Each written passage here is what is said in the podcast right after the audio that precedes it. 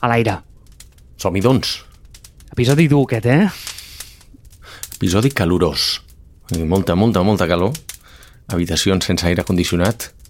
No sé tu, però jo a prop dels 40 graus. La calor de l'ordinador no ajuda.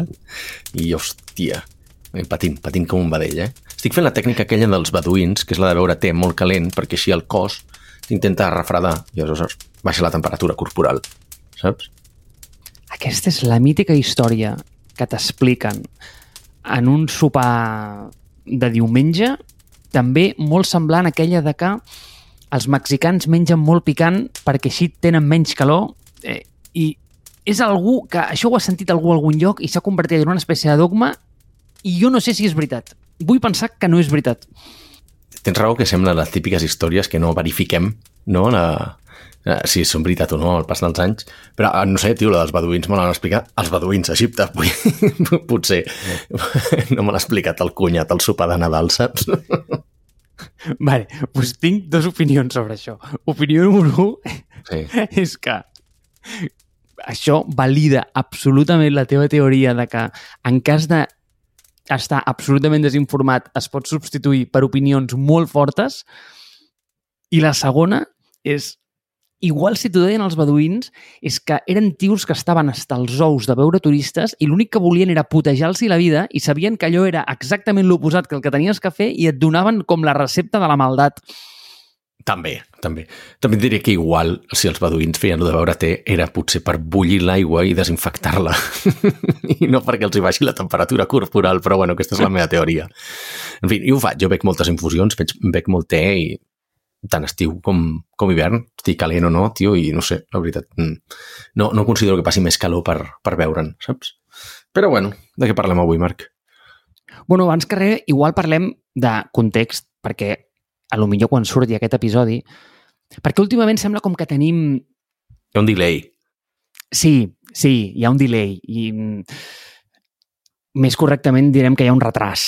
Hi ha un petit retras, una demora en quan gravem i quan publiquem, perquè últimament estem molt prolífics i estem gravant molt i tenim molts capítols per publicar. I aquest s'està gravant enmig de la onada de calor infernal i cap dels dos té aire condicionat, cosa que no és possiblement a l'espai o entorn més conductiu per gravar un podcast, perquè jo ara mateix m'està costant molt pensar. Però a part d'això, jo crec que estic bé. I de què parlem? De què parlem? Ja no sé ni de què parlem perquè ho has proposat tu i crec que sé per on vas, però igual la introducció la faràs tu, perquè avui el tema és el quick commerce, si plau, Àlex, eh, dels creadors de títols tan eloqüents com MacBook Pro o una eina per cada feina. El gran Àlex Rodríguez Bacardit avui ens explica què és el quick commerce. No, però el quick commerce no m'he inventat jo, eh? El, o sigui, el quick commerce és, o el Q-commerce, no? El Q-commerce són aquestes, aquesta onada d'aplicacions que van sortir ara farà a veure, que es van popularitzar fa un parell d'anys, potser, i que ara estan palmant com mosques, que són els, els Getter i els goriles de torn, no? Són aquesta gent que et prometien que la compra t'arriba en 10 minuts a casa, no? Tu fas la teva comanda i aleshores ja, penya, corrent, com, com, com uns desgraciats per un supermercat especial que tenen per ells intern, amb el que et fan una, una comanda, després ho passa una altra persona amb una bicicleta, o sigui, si veieu els vídeos per internet, són ridículs. Si busqueu em sembla que era el de goriles, eh, què, què passa detrás d'una compra de goriles eh, a, a YouTube, és, és bastant hilarant si no tens cor i després penses qui és el fill de puta que ha conceptualitzat aquesta, aquesta dantesca percepció de realitat en la que necessitem que ens portin la compra en 10 minuts a casa, saps? Vull dir, I per la qual estem subcontractant algú que ha de córrer de manera histriònica entre,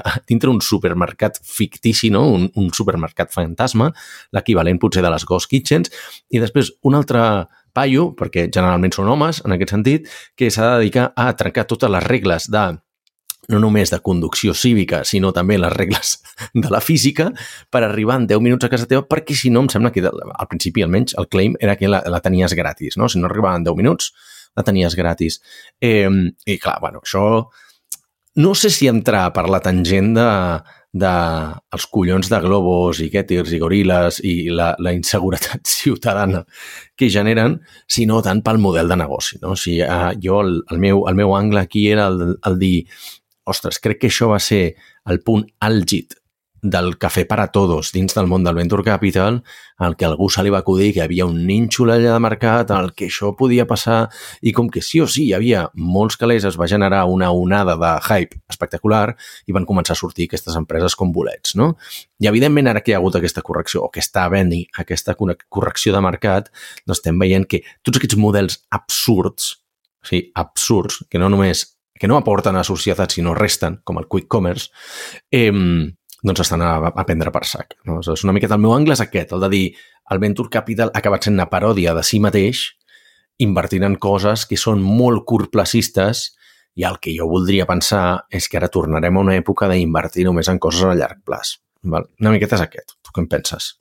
Vale, jo pensava que volies parlar d'una altra cosa, però aquest tema també m'agrada molt, eh? I també tinc opinions. Però jo et diré primer de què pensava que parlaríem. Per mi, quan em vas fer que de Quick Commerce, jo pensava que era Mira, tinc com molts amics millennials. No, perdó. Quins són els que van després? El Gen Z, veritat? Gen Z. Nosaltres som millennials. Nosaltres som millennials, sí. Sí, sí, sí, sí. sí. Purenials. No sé tu, Marc, però és un pureta millennial. Jo soc un purenial. Sí, perquè, perquè som els early adopters dels millennials. Exacte. Sí. No, em sembla que hi ha algun encara més early adopter. Vull dir, ara soc de 87. Em sembla que el, Ara no vull pixar fora de test, eh? em sembla que van començar uns anys abans. No som el primer any ni el segon, tampoc. Vas bé, vas bé. Eh, oh, bueno. Crec que tallem bastant pel mig, però a nivell d'actitud crec que coixegem d'early adopter. Això sí, sí, sí. Estem més a prop dels boomers que del Gen Z. Eh, sí, sí. som, som personatges eh, temporalment descontextualitzats, però és igual, no, no, no passa res, ens estimem igual. Llavors, amb els amics Gen Z aquests, perquè et passa, no?, que eh, quan canvies de feina a vegades, cada vegada t'adones que ja no ets el paio més jove de la companyia, sinó que ets cada cop l'avi que escarràbies. Llavors, al principi jo sempre era com el més jovenet de tots, però ara cada vegada sóc com el més gran de tots. I llavors els companys de feina són més Gen Z, anem a dir, perquè eh, bueno, tens més exèrcits de, de becaris i, i, i gent més joveneta que comparteix oficina amb tu i que penso que és molt enriquidor perquè veus com s'està movent realment el món, no? I que, en fi, que tu no l'estàs utilitzant correctament. I aquí vaig amb el quick commerce que em pensava el que era.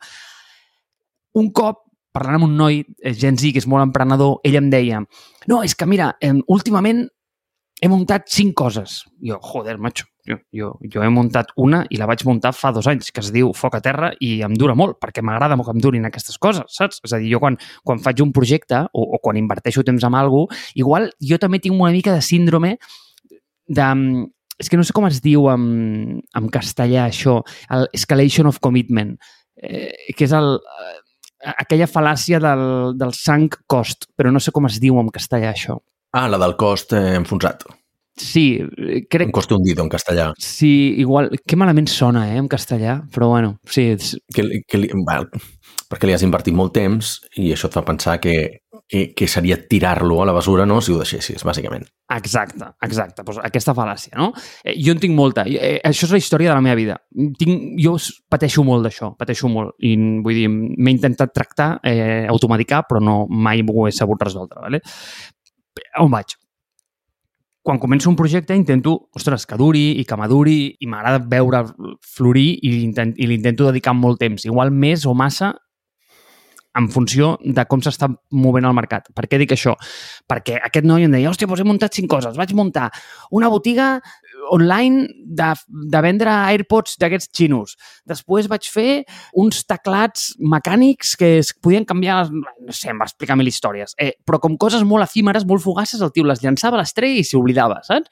I llavors, clar, penses i dius, hòstia, a dia d'avui els projectes personals o aquests side projects que, que vols muntar, que n'hem parlat mil vegades a Foc a Terra, van més de la mà de fer alguna ràpid, fugaç i efímer, tio, que foti calés, girar-ho i tirar-ho i fotre-ho a la basura, que no pas dedicar-hi molts recursos i molt temps a un projecte. Llavors, jo pensava que parlaríem d'aquesta tensió millennial versus Gen Z, dels millennials fer coses i que perduressin en el temps com una cosa per ser recordada. I quan faig un projecte, hosti, tu, o sigui, jo vull fer alguna que sigui com un llegat, quasi, no? Eh, I en canvi aquests, que llegat ni que hòsties, aquests el que volen és girar la pela, fotre els calés, mm, tancar el xiringuito i si t'he visto no me acuerdo. Però d'això no parlem. No, però, però és una bona intro. Li va anar, li va anar bé algun d'aquests eh, projectes o no? O és d'aquests que es dedica a llançar 50.000 projectes i cap li va bé? O sigui, un, un Peter Levels wannabe, no? D'aquests que diuen, no, és que llenço molts projectes perquè si algun funcionarà. Dius, bueno, pues potser tu no tens el que té Peter Levels. O la gent que es dedica a molts projectes perquè també hi has de currar. Llavors, molta d'aquesta gent és, tinc molts projectes però no fan res perquè tu has dit, llença molts projectes i se n'oblida. No, o sigui, el, el, el multi-entrepreneur multi no? és la, la, la persona aquesta que es dedica a llançar molts, molts projectes a la vegada i curra, o sigui, no se n'oblida. Aleshores, no ho sé, algú li va anar bé, ho saps, o no li has fet seguiment? A veure, no ho sé, però crec que si li hagués anat bé m'ho hagués dit. Llavors, és un no. Good point. Vale. No, però em va, em va bé que diguis això, perquè està molt relacionat amb el que jo volia dir, no? És a dir, eh, el canvi del Venture Capital en els últims 20 anys o 30, si tu vols, no? Vull dir, perquè al final Venture Capital ha portat algunes innovacions molt bones, vull dir, no en va tenir internet gràcies a, gràcies a això, segurament internet per satèl·lit i altres històries que, que s'hagin pogut muntar més que han canviat la vida, eh, han estat finançades gràcies al Venture Capital. Algunes de les, eh, de les eh, invencions en el camp de la, del farma també vull dir que realment no podem descreditar tot o desacreditar tot el que, tot el que ha fet el Venture Capital perquè s'han dedicat a, a fundir-se diners en coses com el quick commerce, no?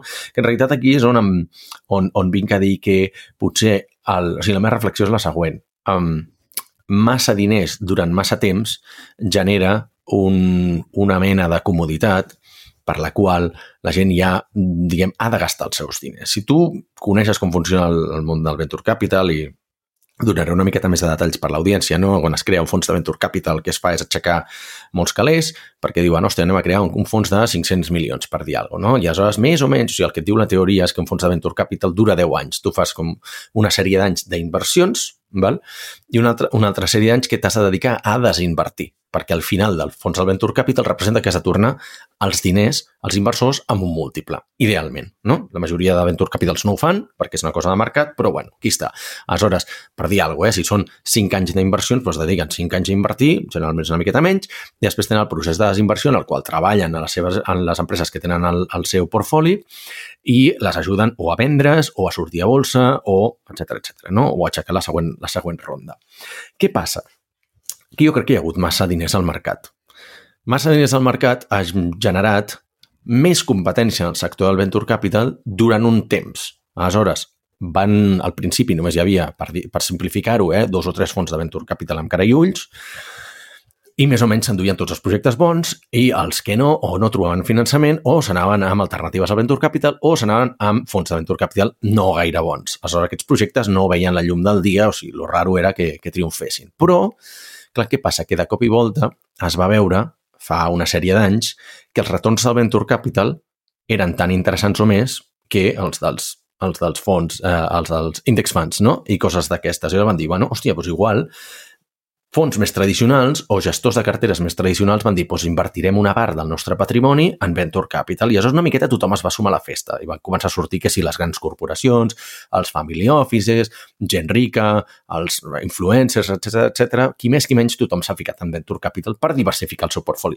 Fins aquí, cap problema. Fins aquí tot bé. Què passa?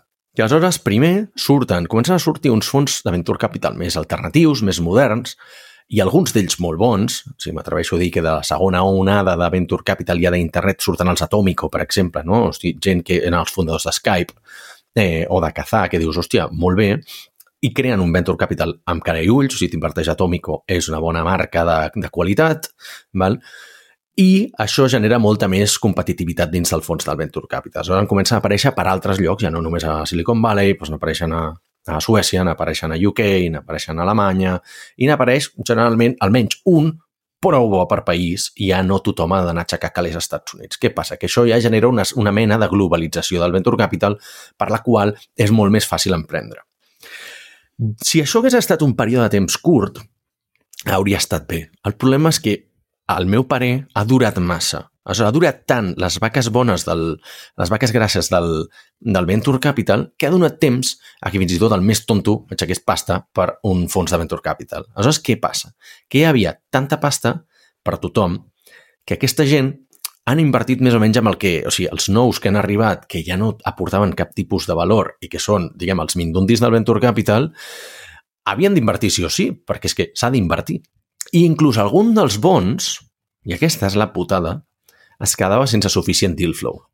I aleshores, a mi m'ha sorprès, eh? O sigui, fons de Venture Capital reconeguts que venien, em deien, tio, si tens alguna interessant, passa-m'ho perquè es queda tancar el fons ja i em queda pasta per fer dos inversions. I passa'm coses que ens ho mirarem amb uns altres ulls. I dius, hòstia, no et diré és un atòmico, però m'entens, no? eh, que la, si, fins i tot quan els fons s'han quedat sense deal flow, vol dir que ja tothom ha hagut d'anar a buscar capital. O sigui, així com abans els emprenedors anaven a buscar capital, hem passat per una època molt llarga i molt dolorosa per la qual els fons de Venture Capital han hagut d'anar a buscar proactivament deals. Val? I això el que fa és que han acabat invertint en autèntiques misèries de projectes. Val? I una de les derivades, i aquí és on vull arribar, tot aquest preàmbul per acabar arribant al quick commerce, és que s'ha eh, difós tant i de manera tan perillosa la idea aquesta de que vinga, vés a buscar una idea que sigui super nínxol, que sigui al moment adequat, que, que pugui ser un dels primers inversors en això, un dels primers en llançar-ho i pues, una miqueta pues, el get rich, no? o sigui, ves bé ràpid i, i fes pasta molt ràpid perquè així ja podràs crear una altra cosa. Hi ha moltes coses que es podrien comentar aquí. O sigui, per què és bé causat això? Jo crec que en part és perquè alguns d'aquests fons han estat creats per emprenedors que potser en, fe, en venen de la cultura del pelotazo, que els hi van haver creant un, una startup que va tenir, o sigui, una startup de cupons en el moment en què tothom feia startups de cupons i va tenir sort de vendre-la més o menys bé i va fer pasta i ha creat un fons, aleshores una miqueta ha fet el pelotazo i diu, pues jo ara, aquesta persona ja no ven la mentalitat del venture capital antic, ven la mentalitat de soc un emprenedor, vaig invertir en altres emprenedors que puguin crear una empresa més o menys ràpid, en 3 o 4 anys aixecar una sèrie A i després, idealment, pues, seria pues, ja vendre l'empresa i, i apa, no? I aleshores cada cop s'està acortant més el plaç d'èxit de les startups. Val? Aleshores, per una part és bo, però per l'altra part genera aquests models de negoci que són molt curtplacistes en un període de temps molt determinat, inclús molt ultralocals, que no aporten cap tipus d'innovació. I aquest és el meu punt més important de tots els que estic mencionant, no? que ja és com un... Tu creus que muntar el puto Gorilas de Barcelona o d'Espanya eh, canviarà el món?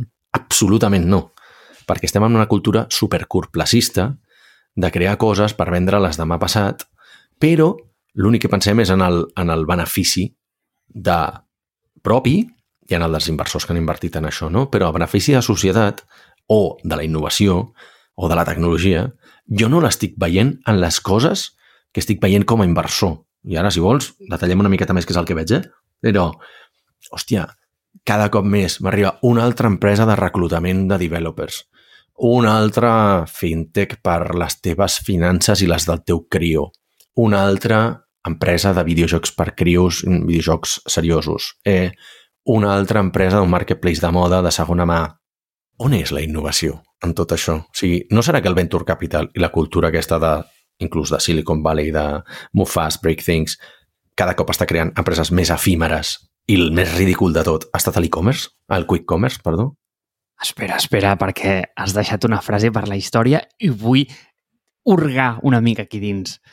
És a dir, Àlex Rodríguez creu que hi ha una correlació entre la inversió de capital i la millora en la condició humana? És a dir, sempre aquests retorns van de la mà de fer un món millor o no? No, jo vinc ja apuntant des de diversos episodis que el Venture Capital és necessari. O sigui, jo critico molt el Venture Capital. Soc molt crític al Venture Capital perquè s'ha acomodat.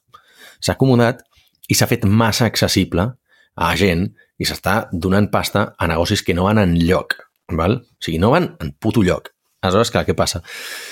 D'alguna manera, potser sóc un romàntic polla vella del Venture Capital d'antes, en el que es finançaven coses com internet, saps? Navegadors web. Clar, què passa? Que per fer això, realment...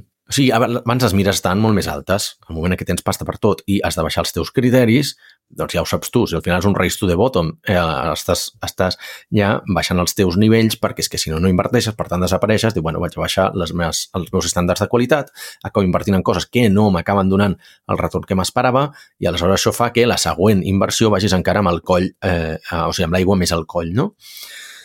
I d'alguna manera m'agradaria recuperar o m'agradaria saber si existeixen els venture capital, els fons de, de capital risc, que només inverteixen en coses que van a canviar el món. Val? Perquè, a veure, Andreessen Horowitz s'omplen molt la boca de coses que van a canviar el món, inverteixen a, a la nova merda del fundador de WeWork, inverteixen en Clubhouse, inverteixen en coses que dius, mare meva, col·lega, saps? Eh, el fons de cripto, el fons de NFTs, vull dir, no ho sé, saps? Eh, que aquí fins i tot ells s'han desvirtuat molt en aquest sentit, no? I, hòstia, eh, ens està quedant un panorama bonic. Anem, anem, anem al matís un moment, perquè estic en parcial desacord, que també és positiu, perquè vol dir que estic en parcial acord. Anem a tirar una mica d'història. On comença això del Venture Capital? Això del Venture Capital, tal i com el coneixem... No em faràs la cunyada d'Isabel la Catòlica, no? No, ah, vale, vale, no, vale, tirarem, vale. no tirarem la mànega tan enrere. No anirem tan... Vale. És a dir, aquesta idea de jo inverteixo en 100 apostes i només que una me'n surti bé ja cobreix per la resta del portfoli, és possible pel següent. És possible perquè històricament les empreses tenien un cost marginal. Exemple, si tu fabriques cotxes, què passa? Cada vegada que fabriques un cotxe, un cotxe doncs, costa el que costa i, per tant, té els marges que té. Llavors, tu tens uns costos fixos, però després tens uns costos variables per cada unitat que poses al mercat. Ok, fins aquí perfecte. Llavors, cap als anys 60 comença a aparèixer una cosa que es diuen uns i zeros, que és software i que resulta que té una particularitat molt concreta. I és que té uns costos fixes altíssims, una barbaritat, però un cop saltats aquests costos fixes, els costos marginals de cada una de les unitats que poses en producció és pràcticament negligible. Llavors, què passa? Que això tens unes economies d'escala increïbles, no? I aquí és on ve i té sentit aquest venture capital, perquè és un tipus de negoci que això no s'havia vist mai abans. Vull dir, no, no existia. Vull dir, abans fabricàvem tornillos, batidores, i motocicletes. I ara estem fent uns i zeros. Llavors, això és un, és un bitxo diferent. Llavors, aquest entra un nou sector, que és el Venture Capital, i que això es forma tota la costa del Silicon, de Silicon Valley, per això, perquè fomenta tota la revolució que ve promoguda pel silici, per això Silicon Valley, bla, bla. ara no entrarem als detalls, eh? però aquí apareix com aquest nou tipus d'inversor, perquè abans on anaves a buscar els diners? Doncs anaves a un altre lloc. És a dir, abans tenies un concepte que era el banquer i el banquer anaves a ell i aquest senyor pues, bueno, et finançava, però d'una manera diferent com et finança un venture capital. No? Però aquí, com que apareixen aquest nou tipus de negoci, també apareix un nou tipus de finançament per poder finançar aquest tipus de negocis. Fins aquí perfecte. Llavors, jo crec i aquí és on vaig, com en la disjuntiva aquesta de fer el món millor versus tipus de negoci, jo crec que no és un problema de que no s'estigui invertint en negocis que facin el món millor o pitjor, jo crec que no hi ha tants negocis invertibles com a venture capital com ens volem fer creure. Llavors, què és el que passa? Que hem tret molts negocis, molts negocis, que no són invertibles per un venture capital, és a dir, que no tenen aquesta causística de grans costos fixes, però utilitat pràcticament zero, és a dir, noves edicions a la línia de producció zero, com per finançar projectes de, de Venture Capital. Llavors, si a cada un èxit d'emprenedors ha sortit un fons, resulta que ara hi ha un munt de fons buscant projectes d'aquesta naturalesa, però projectes d'aquesta naturalesa és que no n'hi ha tants, no n'hi ha tants. I llavors, el tema de fer el món millor o pitjor, home, eh, pots utilitzar aquesta particularitat de dir costos fixes molt grans, és a dir, tio, muntar els eh, servidors, els eh, data centers, el que tu vulguis, no? Eh, crear aquest software i després utilitat zero per, m'ho invento, eh? Vull dir, per fer tràfic d'armes. I això no fa el món millor, però és un projecte invertible.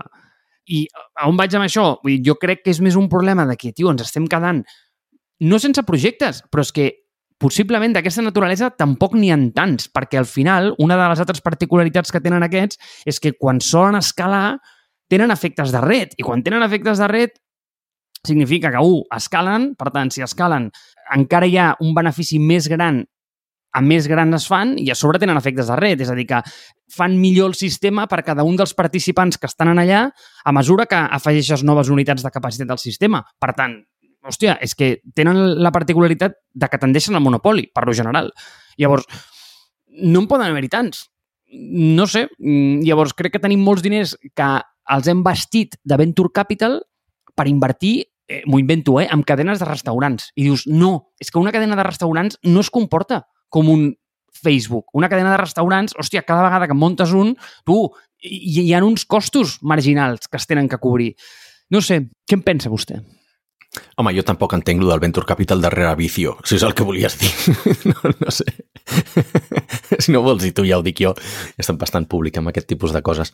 No, però jo, hi ha dues coses aquí. Una és, jo crec que hi ha una certa sobresaturació del mercat, no?, en la que eh, jo crec que el món del venture capital i els inversors en general t'estan empantant cap a anar a buscar un nínxol que no existeixi, perquè és que ja pràcticament tot està inventat, i quan et diguin que no, no, mira, perquè ha sortit la intel·ligència artificial. Bueno, surt la intel·ligència artificial i el dia 2 tens 34.500 empreses. Val? Aleshores, el mercat està sobresaturat perquè no pel tipus d'empreses, sinó perquè ja hi ha massa serveis al voltant de tot això. És a dir, ja hi ha massa inversió, ja hi ha massa asseguradores de startups, ja hi ha massa finançament alternatiu per a startups, ja hi ha acceleradores, incubadores, coworkings, etc etc. Ja, diguem que ja és un ecosistema que ja està tan madur que ja és molt difícil fer un canvi si no fas una cosa radicalment bèstia o crees un nou sector. M'explico.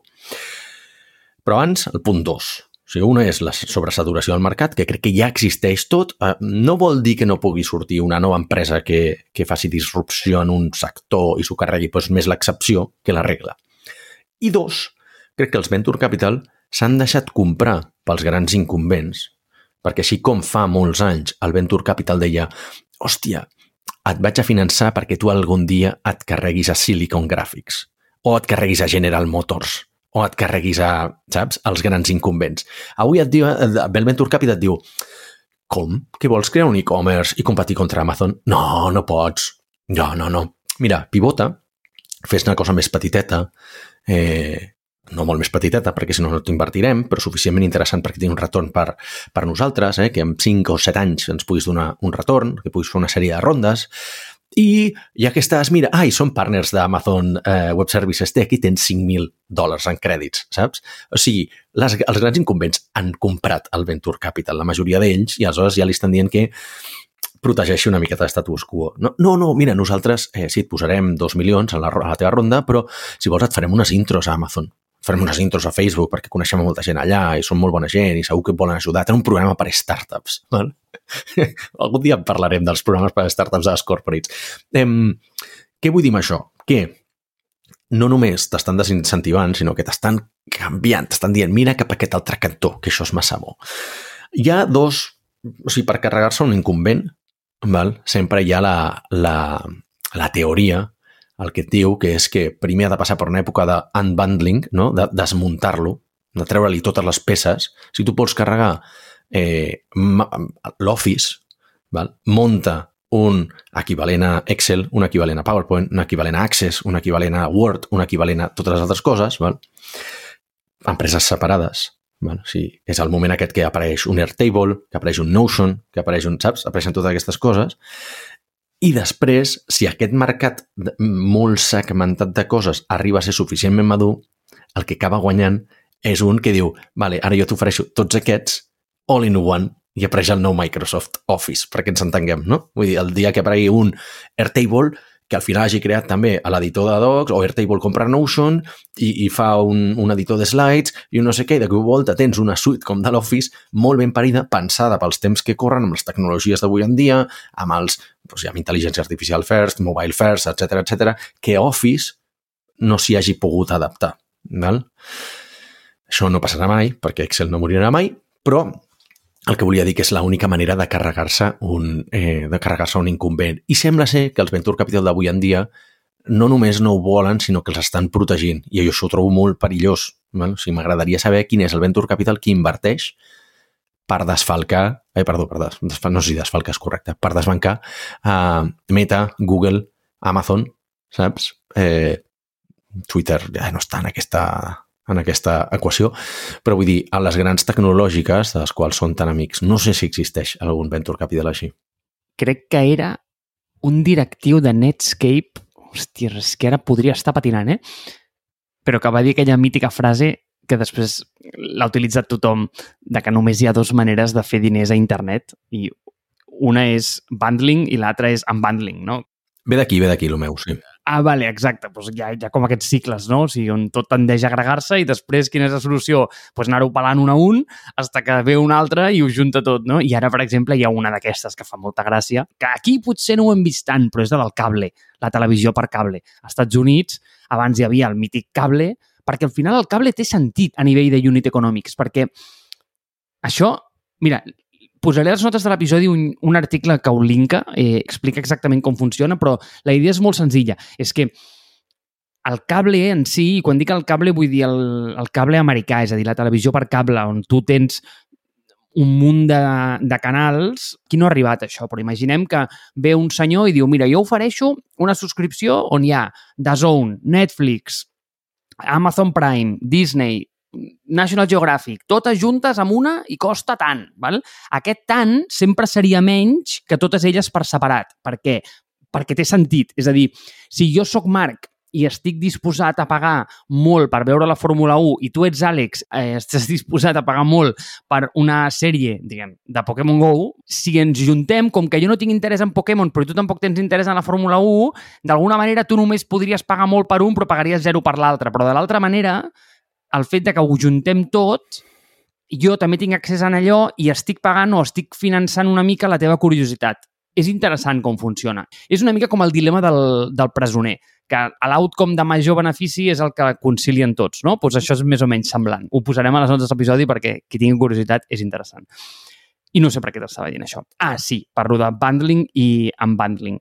Que amb el tema del cable està passant. O sigui, als Estats Units històricament sempre havia sigut així, ara ha aparegut, doncs, lo mític, no? Ara tens 30.000 subscripcions i estàs morint perquè tens eh, o estàs pagant 100 euros cada mes una altra vegada amb 1.000 subscripcions diferents i ara resulta que et ve Movistar i et diu no, no, sí, és que si em pagues a mi només, jo et puc incluir Netflix, et puc incluir The Zone i no sé què, no? I, i al, i al final veus com una altra vegada es torna a unificar a un gran proveïdor. Però, o perquè m'ha semblat interessant aquest tema i això t'ho tanco amb el mateix que em comentaves al principi. Aquests temes, a mi, una cosa que m'agrada sempre és a veure, és molt fàcil dir-ho en retrospectiva, però és interessant com mirar si estem fent alguna animalada, no? És a dir, o, o posar com aquesta com si ho estigués mirant la teva àvia o la teva mare, de dir, veure, una persona com absolutament outsider del sector, dir, a veure, què, què està passant aquí, no? Doncs no sé si tu llegeixes molta ciència-ficció, però hi ha un llibre que a mi m'agrada molt de Neil Stevenson que es diu Snow Crash, que és una mica el precursor d'aquesta idea del metavers, tot aquest rotllo del metavers surt d'aquest llibre, és a dir, ell ho descriu, em sé que és dels 80 llibre, és divertidíssim.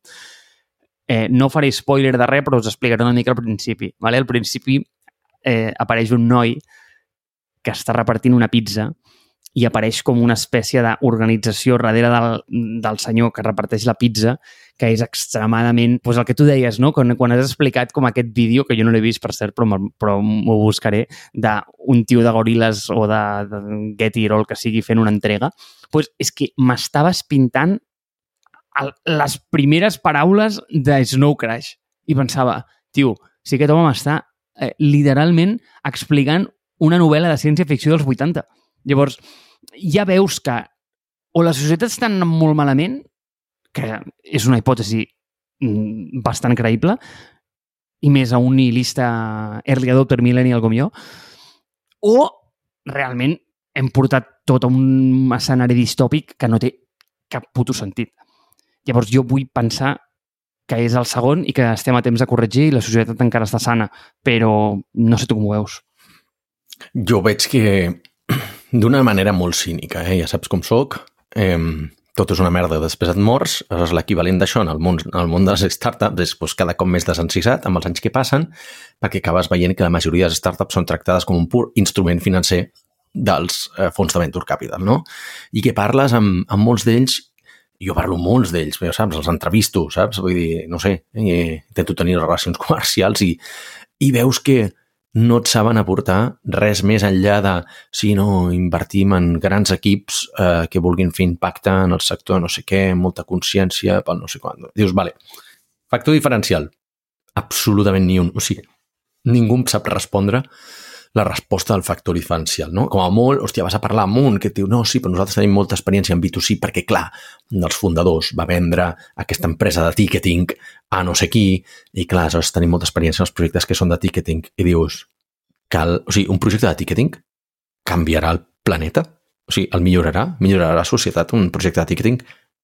No crec, saps? Dit això,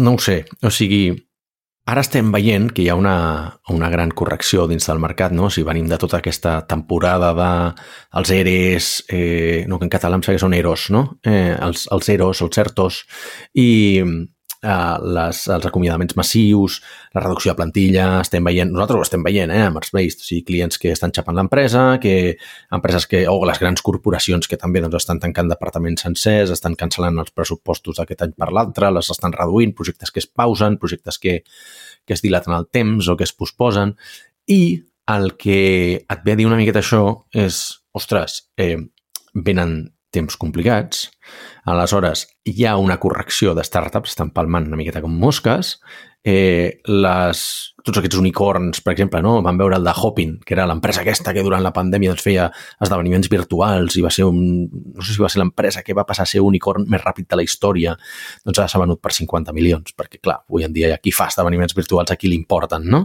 Eh, I ja venim comentant Clubhouse, que no sabem ni on està, val? que igual ara són 6 o 7 persones. Però, el que vull dir amb tot això que és que, clar, això crea un efecte onada, no? Aleshores, el que parlem sempre de quines són les derivades de tot aquest tema. Les derivades de que les startups comencin a palmar, que les valoracions baixin, vol dir que els fons de venture capital no tindran els retorns esperats. Si no tenen els retorns esperats, han de malvendre les empreses que tenen per intentar um, arreplegar el que puguin de pasta per tornar un mínim o almenys tornar a la pasta eh, que se li va invertir als inversors i que no, no en palmin. Val? I amb sort doncs, dir, tornaran a donar d'aquí uns anys quan, quan facin altre fons. Veurem molts menys fons creats, menys fons petits, jo crec que veurem només a fons de tamany mitjà o mitjà gran dels que els hi ha anat bé podran fer el següent fons a fons una miqueta més gran, però desapareixen molts fons de segona i tercera categoria. Aleshores, això farà que, de nou, tinguem menys inversió per startups eh, i potser s'ha de tornar a ser una miqueta més selectiu. Això és l'escenari que no et dic, no et dic que a mi m'agradaria. Crec que és el que convé més al mercat. No m'agrada perquè d'alguna manera hi ha menys creació d'ocupació per la gent. O sigui, l'única cosa per la qual aquesta sobreafluència de pasta ha anat bé ha estat per donar-li feina a gent. Encara que fos feina temporal, segurament ha donat...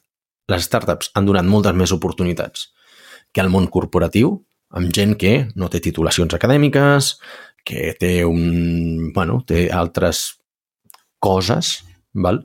Eh, que no els permeten entrar en un entorn potser més, no li voldria dir qualificat, però més, més, més formal, diguem-li, no? Com una gran corporació. I d'allà, gràcies a haver passat per aquí, per una startup, sí que han pogut accedir a un mercat laboral eh, doncs, eh, més, eh, amb millors condicions que si no haguessin agafat aquest camí. Però jo crec que això s'acaba, s'acaba, ja tornarà. Alguns diuen que el 2024 doncs, ja començarà, tornaran les, les sortides a bolsa, Ara hi haurà moltes adquisicions, però adquisicions a la baixa, milloraran una miqueta les condicions de mercat i el 2024 tornarem a veure creixement.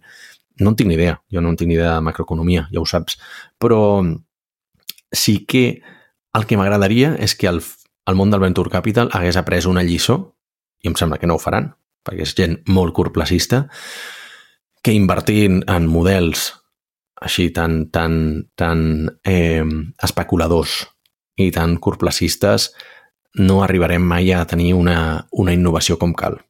Sé que generalment s'acaba quan l'Àlex senta càtedra, però igual em volia guardar un moment per dir que ha sortit a la premsa de grans, eh? Ah, lo de l'avantguàrdia. Et va veure el meu pare. M'ho va dir ell. Ah, vale. Diuen que no ets... Un, un emprenedor em va tuitejar i em va dir no ets ningú fins que no vols a l'avantguarda. Dic, bueno, doncs ara ja sóc algú, o sigui, ara ja estic content. Sí, ara, com que farem 10 anys amb l'empresa, doncs eh, ens volien fer un article.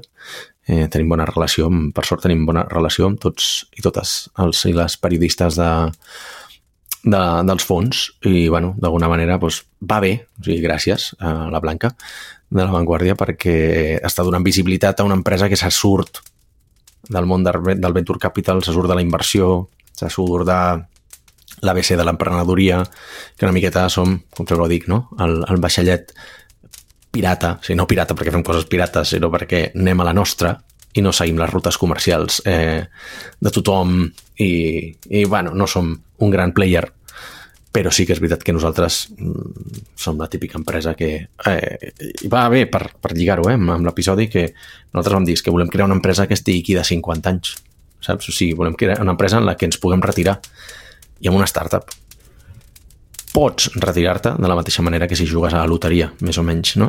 Si algú li sortirà bé, però generalment mm, no surt bé. I per tant, pensar que crees una empresa per retirar-te en el món del venture capital és ser molt il·lus. És la millor manera és anar més lent, no aixecar capital, no et faràs multimilionari, però pots viure molt bé i pots estar aquí d'aquí 50 anys. És a dir, Getter i Gorillas no existiran d'aquí 5 o 10 anys. Nosaltres sí.